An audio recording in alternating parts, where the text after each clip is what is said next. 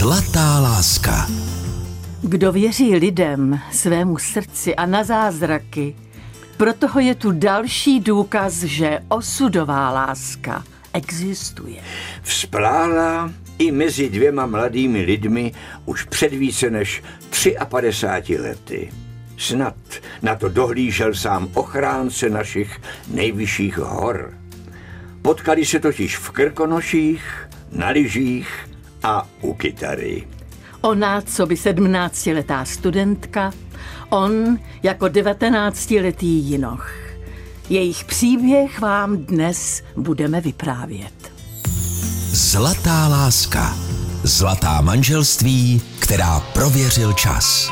Ten dnešní příběh zlaté lásky začal jako pohádka. Vysoko v horách, za sedmero údolími, v boudě na hřebenech, kde fouká studený vítr a v zimě se tam rádi schovají pocestní. Právě tam se potkali budoucí manželé Ivana a Jiří Slavíčkovi, kteří už oslavili zlatou svatbu. Jejich zimní příběh nás zaujal natolik, že jsme za nimi poslali Patrika Rozehnala.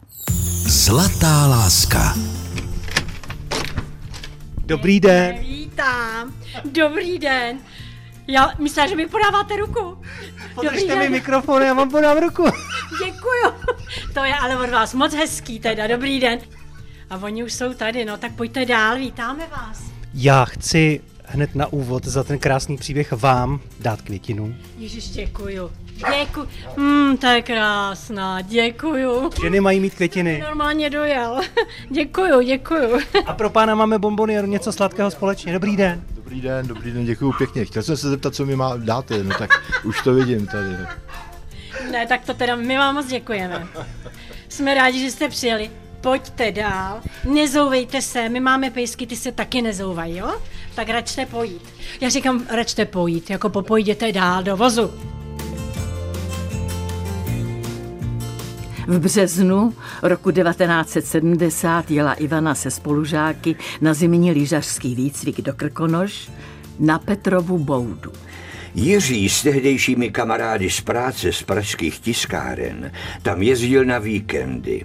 Přespávali v podnikové chatě o dva kilometry níž pod hřebenem, ale na slavnou Petrovku vyráželi na pivo. Říkali, že na polévku a po ní vzali kytaru a zpívali na verandě, kde večeřela děvčata z kurzu. Zlatá láska. Čas pro vaše romantické příběhy. A to byl prostě ten správný moment. Já neznala nějakých countryovek, já uměla jo, třešně zrály od Matušky, Dajánu a takovýhle, jo, tisíc mil. No ale tam tyhle ty kluci hráli takový, ty oni byli sehraný, protože oni na ty, na ty hory jezdili třeba jenom na víkendy. Jo, z Prahy. Všechny víkendy. Všechny víkendy na horách jsme trávili. Vy jste si tam tak jako s klukama jezdili oblížet terén na holky, nebo jak to bylo? No tak my jsme hlavně jezdili asi kvůli těm kytarám a že tam byl sníh a lyže, že jo. Ty holky byly tak druhořadý do té doby, než teda se to nějak převalilo, že holky byly v první řadě a pak byla ta polivka teprve, no, takže takhle to bylo. No a co vás přivedlo k tomu, že jste na tu verandu zašli za děvčaty? Mm, Tam, jsme tam tak nějak průběžně chodili pořád, jestli tam byli děvčata nebo kluci, my tam nepatřili vlastně do té chalupy, že? my jsme tam chodili jenom jak, jako něco si tam koupit, sníst. No a tak jsme tam chodili, protože s těma kytarama není na to každý zvědavý. Tam byli soudruzi z ROH, že jo, vepředu. Tam Kablo Vrchlabí tam jezdilo takový skupina, ty hráli a ty tam tancovali nějaký polky a takovýhle ty a my jim to rušili, že jo, tak oni nás vždycky jako z kraje vykázali na tu, takže jsme tam pak už chodili normálně do té verandy, jako měli jsme, výčepní byla paní Mařenka, ta vždycky to tam roztočila piva do toho, že tak ty starý, to byli kluci různě starý, my byli, nebo já byl a ještě jeden jsme byli nejmladší tam, jo. Jezdili kluci třeba, už byli ženatý, měli děti a taky říkali, Mařenko, pište to hráběma, že jo, protože jinak, aby to, to, to, jinak nestihla vůbec všecko a měli nás rádi, protože tiskaři v té době měli dost peněz, to bylo jako jedna ze zaměstnání takových, který jako platili dobře, takže se tam utratilo hromada peněz, nechalo se jim, když, jako když krece velká, takže nás si tam celkem i považovali. Jako, no. No a těch kluků tam bylo asi 15 a já tak jako eh, jsem koukala na, na Jiřího, on měl takový vlasy na ramena, tenkrát se to nosilo, že jo, takový ty dlouhý vlasy. A tu kytaru a takovej a měl, měl z králíka chlupatou vestu, protože jeho tatínek byl kožešník. A já jsem teda jako říkala, hele, to je nějaký, ten má, ten má vestu, jako jo. To víte, to byly 70. leta, jo, to tady bylo prty, jo, to tady nebylo nic. On měl 17. března narozeniny. Toho dne vlastně my jsme se dali dohromady. Protože kluci tak jako, že jo, hele, na zdraví, Jirka má narozky, tohle. Tak, no a já jsem teda mu popřála, jako všechno nejlepší, dala jsem mu pusu a už to bylo takový, jako že jsem si myslela, no tak je to jasný, jo. no a tak jak hráli, tak já jsem e, si sedla jako na zem, opřela jsem se o jeho kolena a teď jsem prostě nasávala tu country muziku, takový ty bedny od whisky a jo, prostě všechny tyhle ty tak jsme se tak jako nějak zkamarádili. No holka jako květva měla hlavně dlouhý vlasy hodně. Někam skoro až na zadek, viď? No. Tak asi to byl nějaký ten moment takový, že jako každý ty dlouhý vlasy neměl, že jo. Takže jste se trochu předváděl, hrál na kytaru? No tak jo, na kytaru, ale nepředváděli, to jsme tak hráli prostě bez nějakého předvádění. To si myslím, že nebylo jako předvádění nějaký.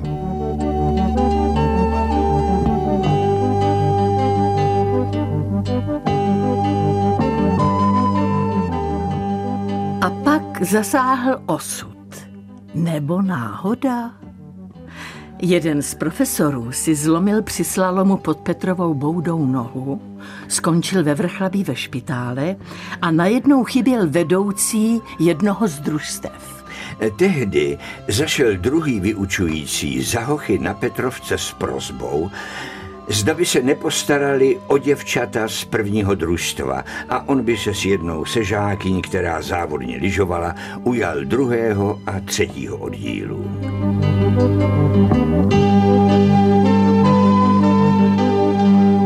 Kluci zajásali samozřejmě. No a dopadlo to tak, že prostě každý kluk si vybral nějakou holku, Jiřík si vybral mě, respektive já jsem si vybrala jeho, protože to tak bývá, že ženská si vybere vždycky chlapa, jo. Není to tak, že chlap klofne ženskou, ne, ne, ne. To znamená, vy jste nevytvořili pár, váš život stojí na tom, že vy jste vytvořili družstvo. Ano, my jsme... Sportovní družstvo My vlastně. jsme, no. vys... Ano, my jsme vytvořili družstvo. No a ráno po snídani eh, už jsme šli na vlek, protože ten vlek jezdil k jejich chalupě, tam končil. Takže my jsme sjeli tím údolím, tím sedmidolím k ním na chalupu, oni už čekali před chalupou a celý den do oběda, tak jak to šlo, jsme s těma klukama, každý kluk vyfa- vyfasoval jednu holku a jezdili jsme nahoru vlekem. Prosím, jak fungoval ten vlek? Byl to nějaký kotváč pro dva? A... Pro dva, no jasný, kotváč pro dva to byl a byl poměrně na ty poměry tehdy hodně dlouhý, takže to jako trvalo dlouho, než se ty odpoutali od sebe, ty dva, že jo, který na tom byli. No. A nechalo se tam do těch ženských hůčet, že jo, všelijaký, co koho napadlo nějaká šílená věc, tak jim to tam natlouk do hlavy, že jo, tu cestu nahoru. No. Takže pan profesor vlastně vytvořil podmínky pro seznámení mnoha dvojic. Byli jste jediná dvojice, která se takhle dala dohromady, netušíte nebo tušíte? Tam ale eh, jako pak se rozešli, zase my asi jediný si myslím, že jsme tam to přežili až do teďka. Teda.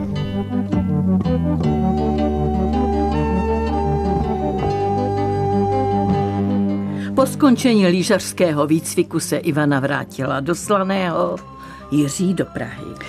Kontakt udržovali jen po telefonu. Po měsíci ale přišlo pozvání na rande do Prahy.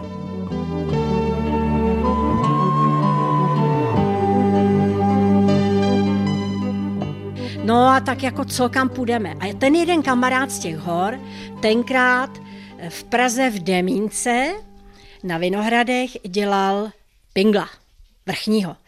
Tak Jiří říká, hele, tak zajedeme za Ivanem, tam si dáme nějaký kafe a možná jídlo. A tak jsme šli do Demínky, to bylo naše první společné rande. A jak myslíte, že to dopadlo? Pamatuje si to Jirka? Naprosto přesně, já jsem tam přišel, ale neměl jsem ani korunu s sebou. Takže jsme tam zůstali kamarádovi dlužit. Teda. Ne, ne, ne, Ivanka to zaplatila. A když jste zjistil, že nemáte prachy? Co se tak jako ve vás odehrávalo? No tak bylo to trapný, že na první zkusce. Já to nechal doma prostě všechno, jsem neměl nic sebou. No. Nebyla to tragédie, protože ten Ivan byl vlastně jeho kamarád, eh, a zároveň už i můj kamarád, protože jsme se znali z těch hor, takže já jsem to zaplatila, byla procházka, Vinohradská, Václavák, na nádraží mě odvedl, dali jsme si pusu, objali jsme se, zamávali, no a vlastně tím to asi tak nějak začalo. Je nějaká písnička, kterou pokládáte za tu svoji? Já myslím, že třeba Diana. Protože když jí hráli ty kluci, to bylo asi 6-8 kytár. To prostě bylo něco.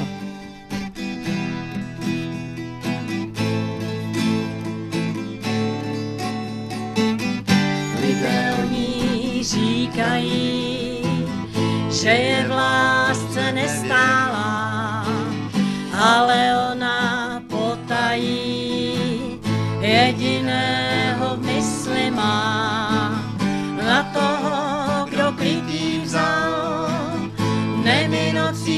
čeká dál o krásná a bláhová Diana.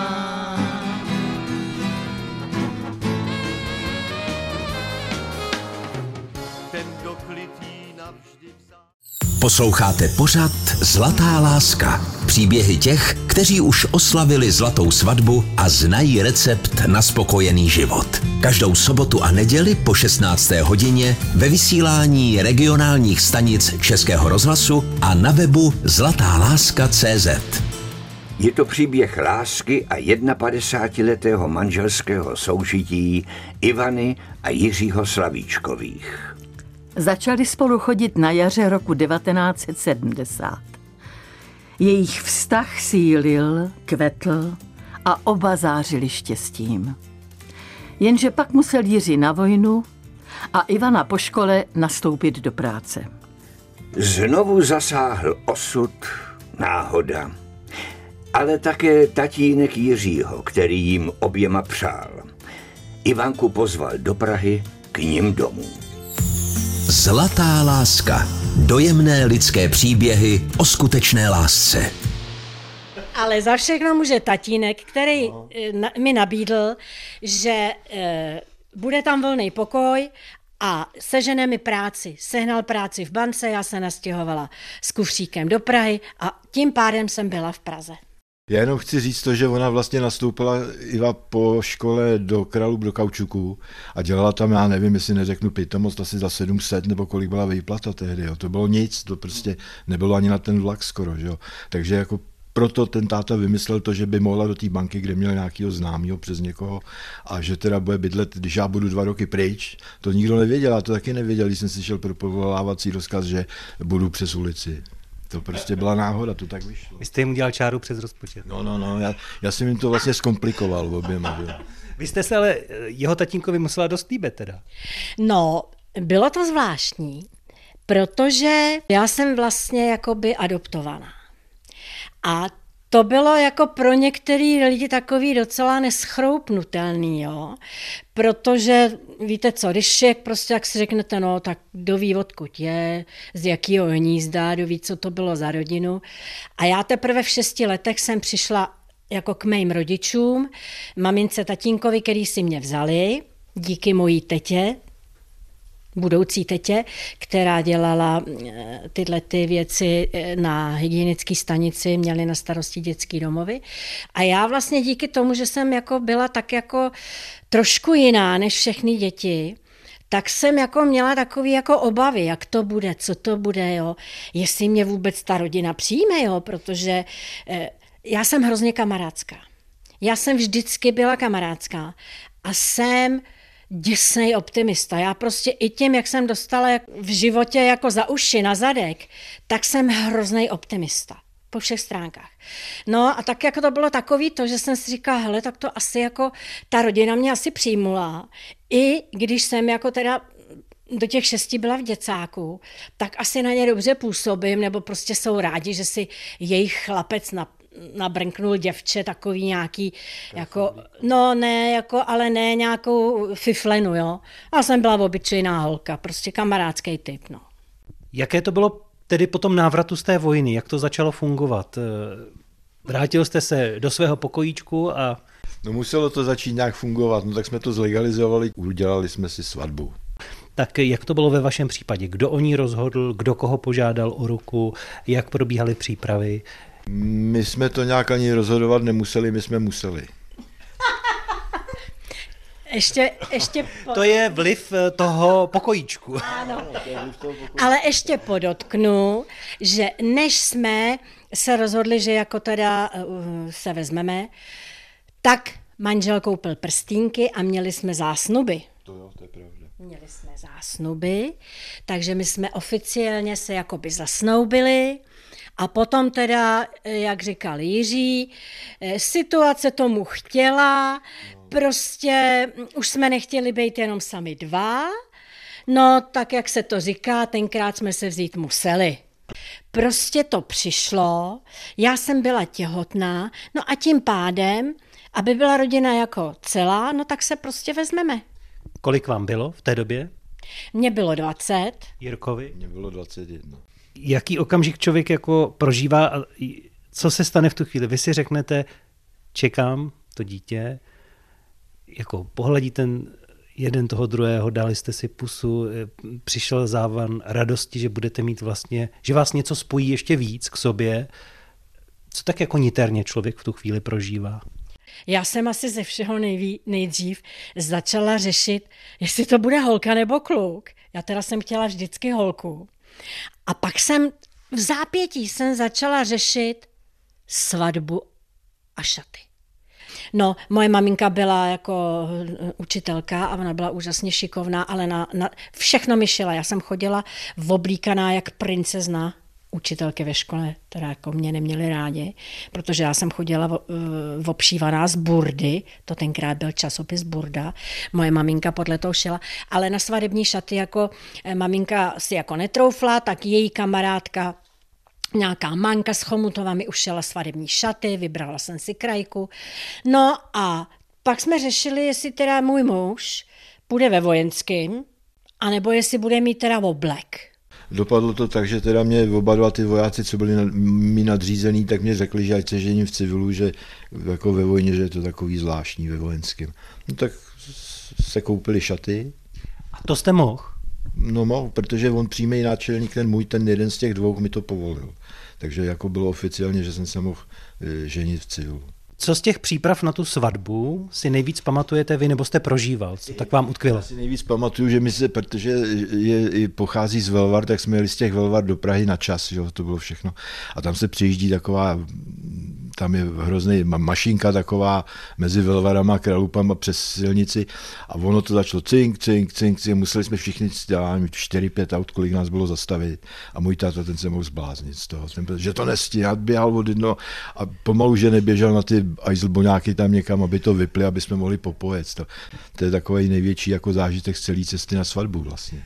Kam jste jeli, kde jste svatbu měli? My jsme měli svatbu na náměstí Svobody ve Skleňáku, jestli víte kde. Praha 6. No, Praha 6, tak tam.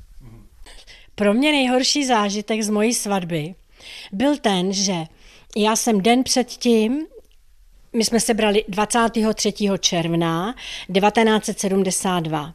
Já den předtím jsem byla u kadeřnice, tenkrát se nosily takový ty eh, velký hlavy, já tomu říkám věrtel, a já jsem byla u kadeřnice, ona mi udělala ten velký kýbl na hlavě.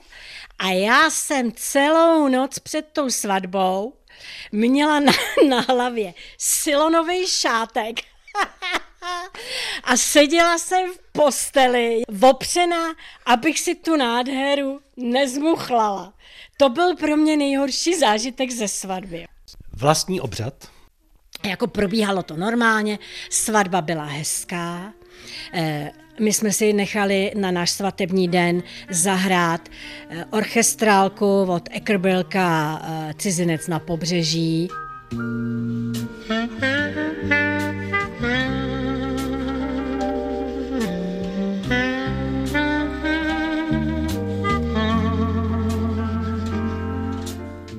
to bylo prostě jako krásný. Když to dneska slyšíte. Hmm, jo, to mě dneska bere.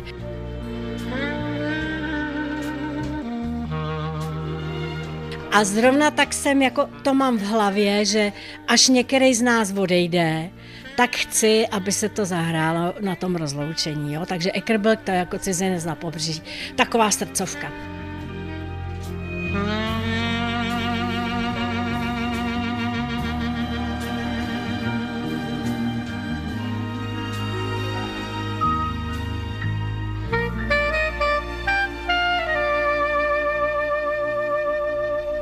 Jiří, je během té svatby čas eh, pro nějakou romantickou chvíli zadívat se té Ivance do očí, zapamatovat si ten pohled, anebo je to takový ten svatební expres, kdy si eh, až doma uvědomíte, že vlastně svatba byla včera, nebo něco takového? Takhle asi to funguje, no, nějaký, protože to je takový trapik okolo, že teď každý něco chce, na něco se ptá někdo, a nejenom je konec. Myslím svatby teda, že jo. No.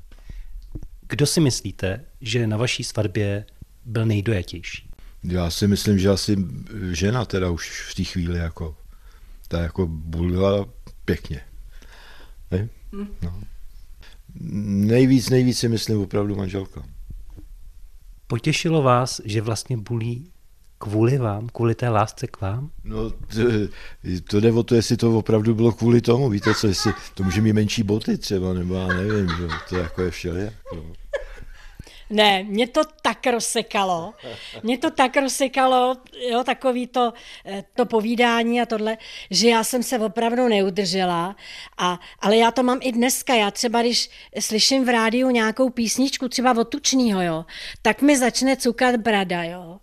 E, mám takové chvíle, kdy mě prostě takový některé věci dojmou, jo. Ale na té svatbě mě tohle to jako prostě hrozně dojalo a já jsem si ale ani neuvědomila, že se děje něco jiného. Ta moje lítost mě prostě tak nějak dohnala, no.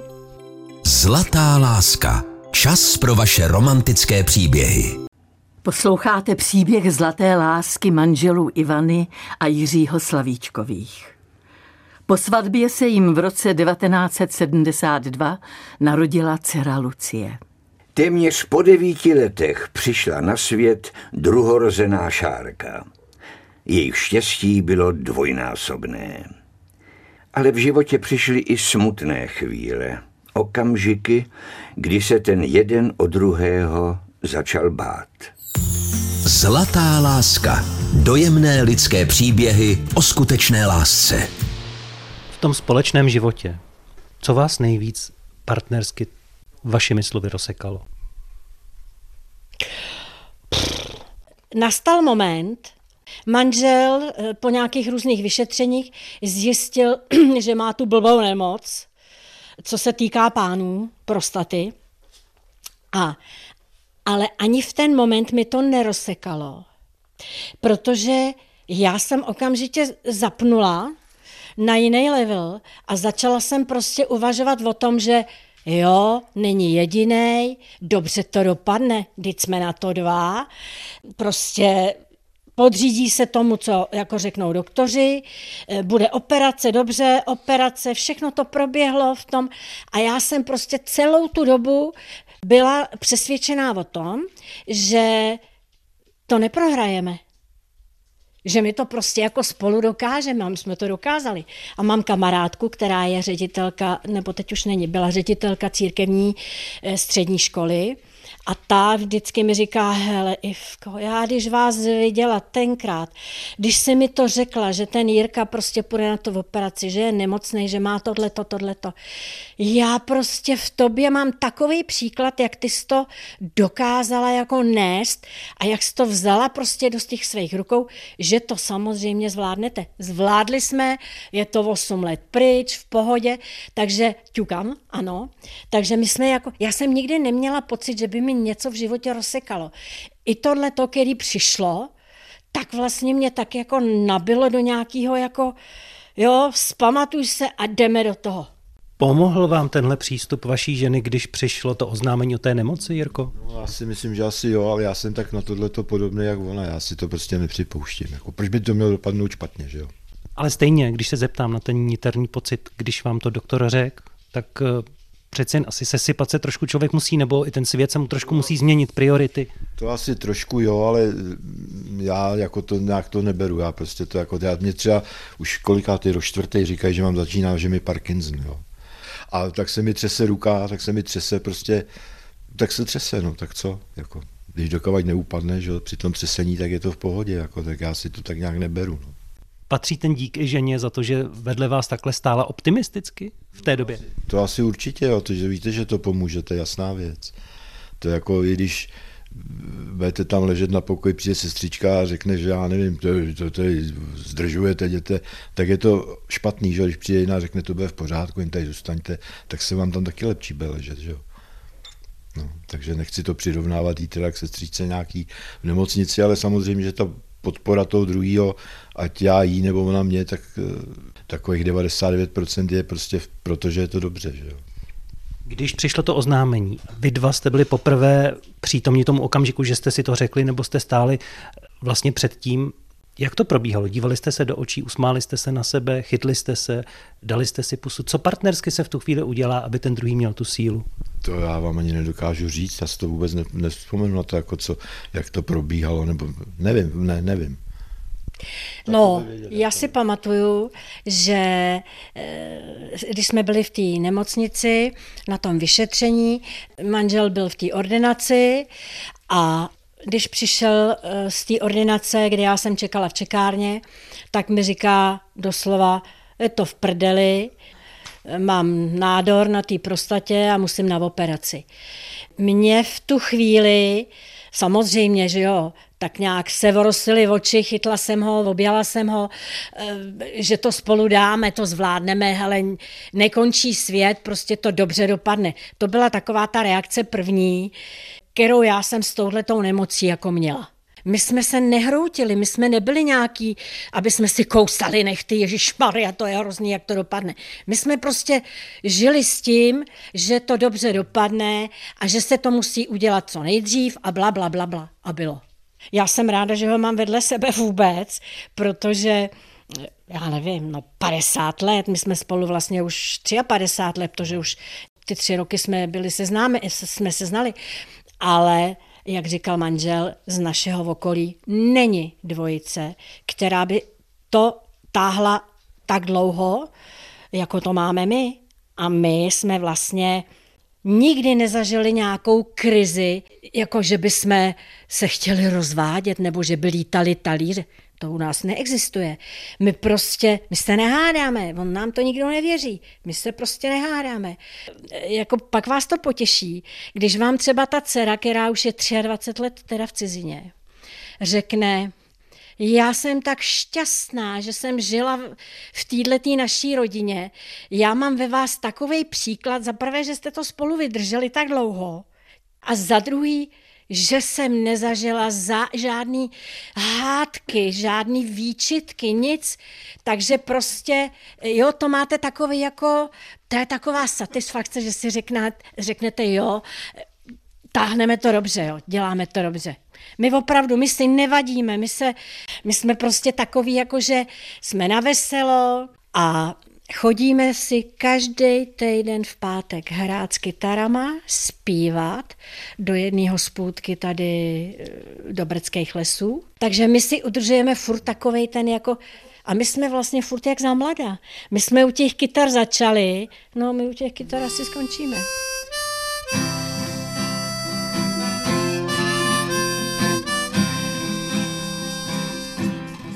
Jakoby Ivančino a Jiřího společné příjmení Slavíčkovi, které nosí už 51 let, odráželo jejich celoživotní zálibu. A to je zpěv a muzika. A k tomu přidali humor a lásku a toho si zase ceníme my. Proto jsme se rozhodli jim už na základě popsaného příběhu poslat po Patrikovi dary. Tajně jim nachystal u nich doma v kuchyni v Mladém Smolivci na Plzeňsku velký kávovar a digitální rádio. Do této chvíle neměli o ničem tušení.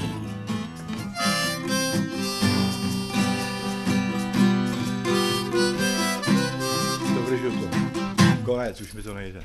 Milý Jirko, milá Ivanko, takže za těmi dveřmi je něco, co vám tady necháme a u čeho si třeba na tu naši návštěvu i na Carmen s Petrem vzpomenete. Si děláte kozy A kde to je?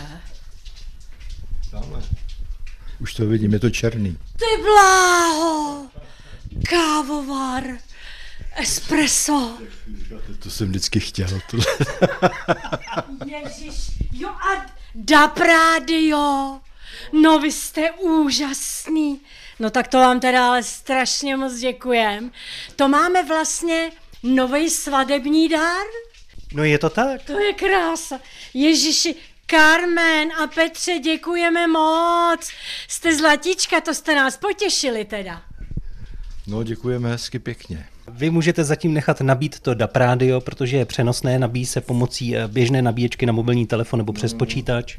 A pak si, pak si sebe možná můžete poslechnout i v rozhlase v digitální Ano, kvalitě. ano, ano, ano, samozřejmě. se na to těšíme. Takže jestli se nepletu, Ivanka vstává později, Jirka dřív bude dělat ráno kávu v kávovaru. No, tak my máme tady takový ten překapávač, a tohle byl asi solidnější. Tohle dělá espresso, lungo, dělá to i horkou vodu na čaj případně. Horkou vodu na čaj už je manželka, ta pije čaje, ta by se učajovala. No super dárek, děkujem. To jsme tady ani v nejmenším nečekali, že když nás poctíte svojí návštěvou, že teda ještě budeme obdarovaný. To je bomba. Děkujeme, děkujem, děkujem. My děkujeme vám, že jste nám řekli, jak se rodí a prožívá láska. Manželé Ivana a Jiří Slavíčkovi nám za chvíli také prozradí svůj recept na štěstí a spokojený život. Posloucháte pořad Zlatá láska. Dojemné lidské příběhy o skutečné lásce. Každou sobotu a neděli po 16. hodině ve vysílání regionálních stanic Českého rozhlasu a na webu zlatáláska.cz. Po 51 letech společného manželství se Ivana a Jiří Slavíčkovi musí dobře znát. Jeden druhého jako své boty, jak se říká. Jestli tomu tak opravdu je, ověří Patrik rozehnal partnerskými otázkami. Položil je každému zvlášť. A my si je dovolíme dát za sebe a uslyšíme, jak jejich manželský test dopadne. Co jste mu dala k prvním Vánocům? Ty bláho. Asi možná nějaký svetr?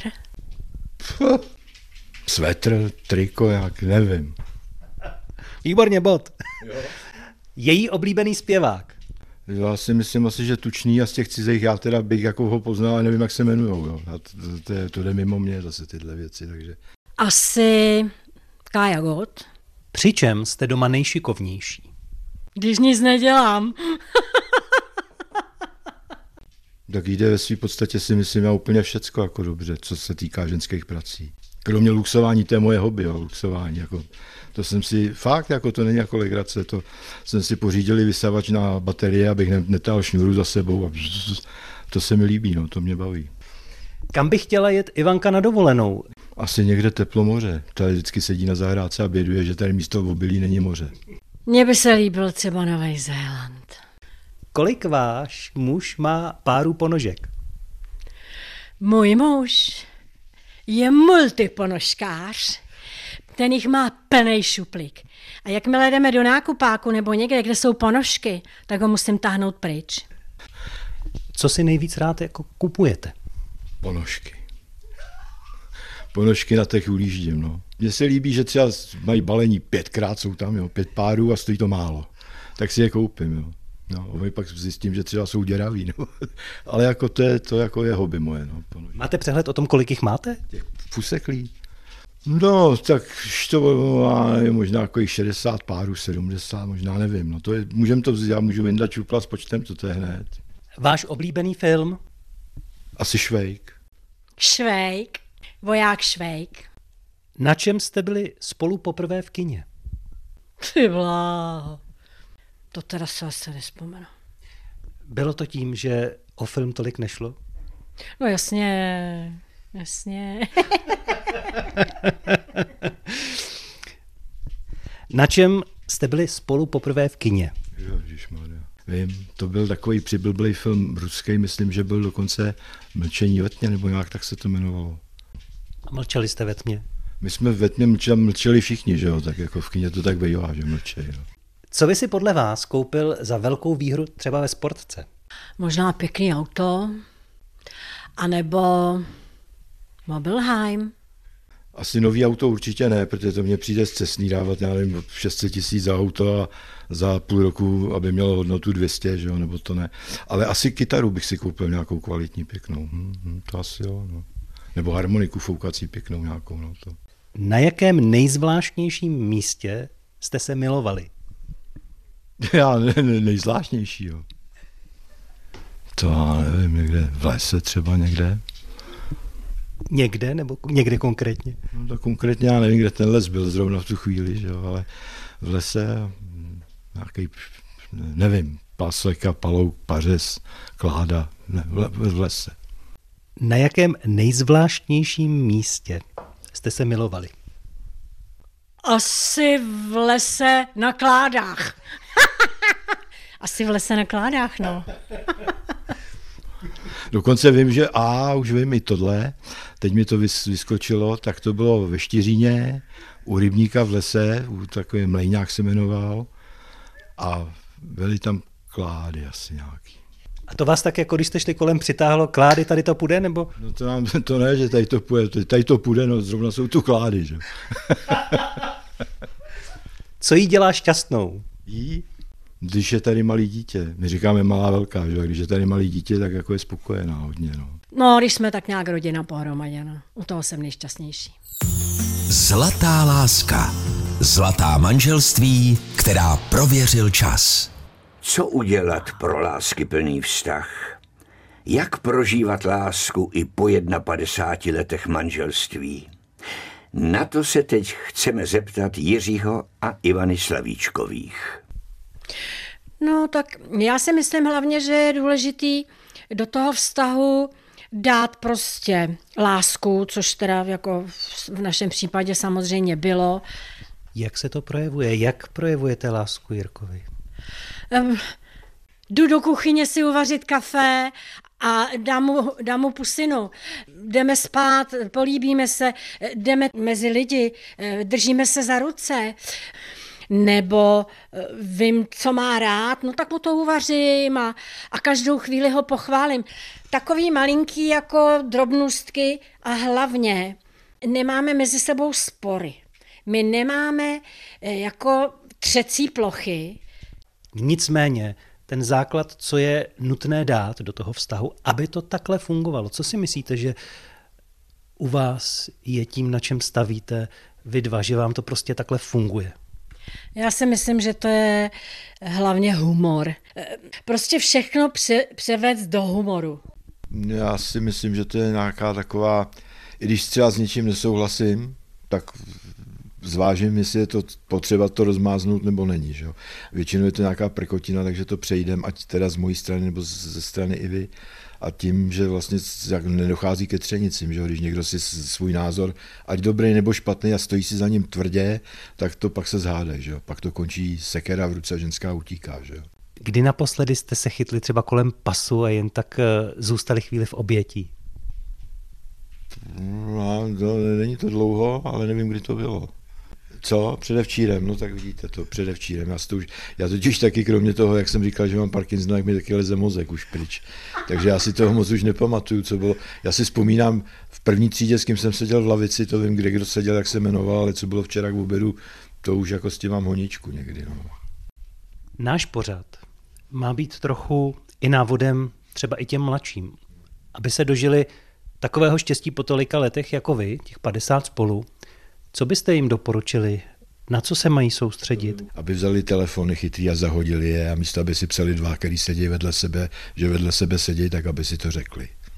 Stejný názor a hlavně, aby spolu trávili čas venku v přírodě, vodili se za ruce, objímali se, eh, měli by být jako k sobě milí, hodný, neurážet se, říkat si hezké věci, jakože hele, to nevadí, že mám nějaký kilo navíc, viď? No. No a manžel to odsouhlasí, říká to víš, že já tě mám rád takový, jaká seš. Jo, prostě takovýhle hezké věci měly by si dělat malé radosti, třeba jenom tím, že vám uvaří to kafe. Kdyby jste se mohli vrátit v čase zpátky, znovu by byl rok 73. Řekli byste si znovu na té svatbě. Ano, šli byste do toho znovu. Myslíte si, že by to zase mohlo být takové pěkné? Takhle s tou moudrostí, líbilo by se vám to zase znovu spolu? Když budu za sebe, tak já asi jo. Já teda určitě.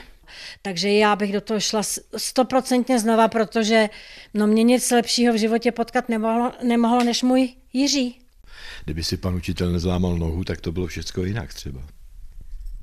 Nebylo, nevěř tomu, nevěř tomu, tam už to bylo daný. Věříte na osu? Já takhle, já nevěřím jako, abych řekla na osud, ale já věřím něčemu, že něco je. Že něco je, co nás vede a co to prostě vždycky zařídí, dopadne to tak, jak to má a vždycky z ničeho se prostě neskácej. Vždycky to dobře dopadne. Co se má stát, to se stane. To znamená, že to, že jste potkal svoji ženu, pokládáte za co? Za štěstí? No taková šťastná náhoda bych řekl třeba spíš, protože jsem nemusel na těch lyžích zrovna ten týden být. Nebo oni tam mohli odjet o týden dřív nebo později, takže jsme se vůbec nepoznali. Náhoda. A milujete ji pořád? To asi jo, no. Nikdy by mě nenapadlo, že opravdu spolu prožijeme 50 let, 53, co se známe, no a doufám, že ještě spolu nějakých pár let krásných prožijem, takže děkuju za ten krásný společný život, který jsme spolu měli.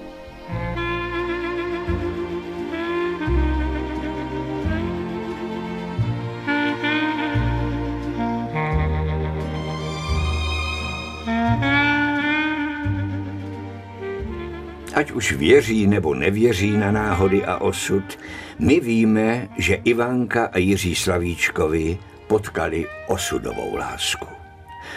Zrodila se v mrazivém počasí hor a plane do dnešních dnů. Oba nám ukazují, že milovat znamená dávat a nic za to nežádat. Mahatma Gandhi kdysi řekl, pravá láska je ta, v níž máme větší radost z druhého než ze sebe. Proto žijte i pro druhé. Rozdávejte, pečujte a milujte. Nikdy nenechte lásku zmizet. Je čistá, pevná a hřejivá. To dobře ví Carmen Majerová. A Petr Kostka.